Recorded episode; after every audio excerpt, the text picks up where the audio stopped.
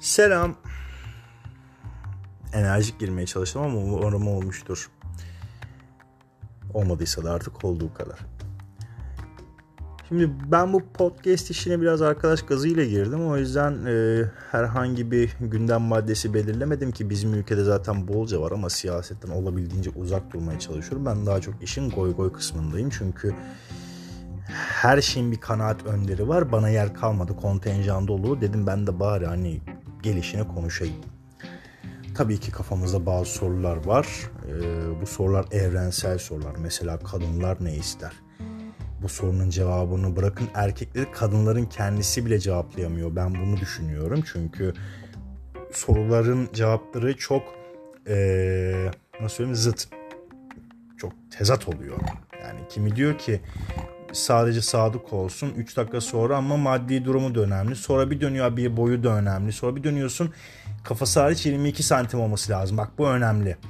Kadınları içerisinde de bir kararsızlık söz konusu bence.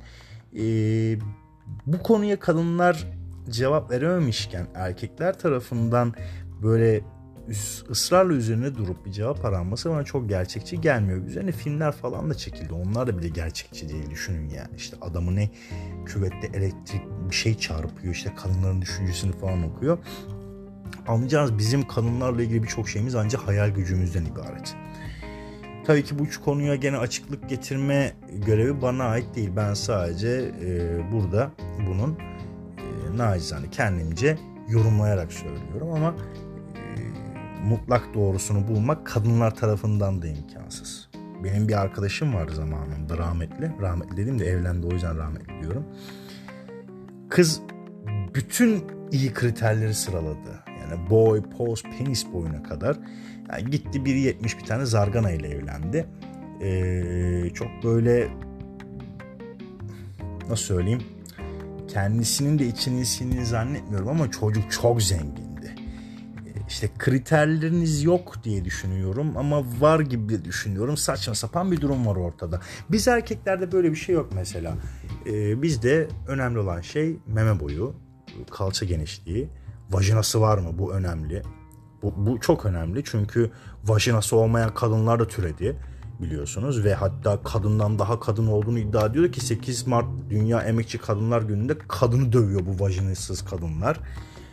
Böyle bir e, absürt durumla da karşılaştık geçtiğimiz 8 Mart. Hepsine geçmiş olsun dileklerimi iletiyorum. E, ama nitekim bu cenah kadınlar tarafından savunuluyor ısrarla. Ya buna gerek yok.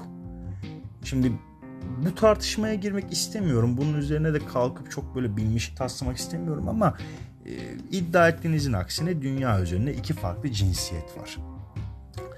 Ve bu iki farklı cinsiyetin farklı cinsel yönelimleri var doğuştan gelen. Bakın hastalık demiyorum, yönelim diyorum. Bu tamamen yönelimdir. E, çünkü doğanın kendisinde de eşcinsel hayvanlar varken biz kim köpeğiz ki? Yani bunu eleştirelim.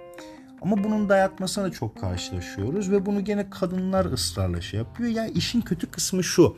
Hadi diyelim ki biz gizli geyleriz. Ulan kocasız kalacaksınız. Hani çok meşhur bir tweet var ya feminist toplantısında erkekler ölsün dediler. E bizi kim sekecek diye sordum diye beni kovdular. Hani iş buraya gidiyor gerek yok böyle şeylere. Biz böyle şeylerden uzak duralım. Ee, kardeş kardeş demeyelim. Ben herhangi bir kadınla tek çocuğum. Kardeş olmak istemiyorum. Bütün ümitlerim suya düşüyor çünkü. Biz e, insani boyutlarda tartışalım bazı şeyleri.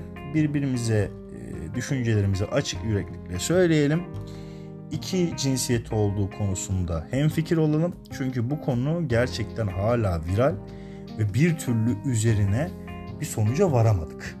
Yani bilim adamları çıkıyor diyor. Efendim mümkün değil. iki farklı cinsiyet var sadece diyor. Hayır efendim sen bunu bilemedin. Lan bilim adamı söylüyor. Adam buna yıllarını vermiş. Cinsel yönelim farklı.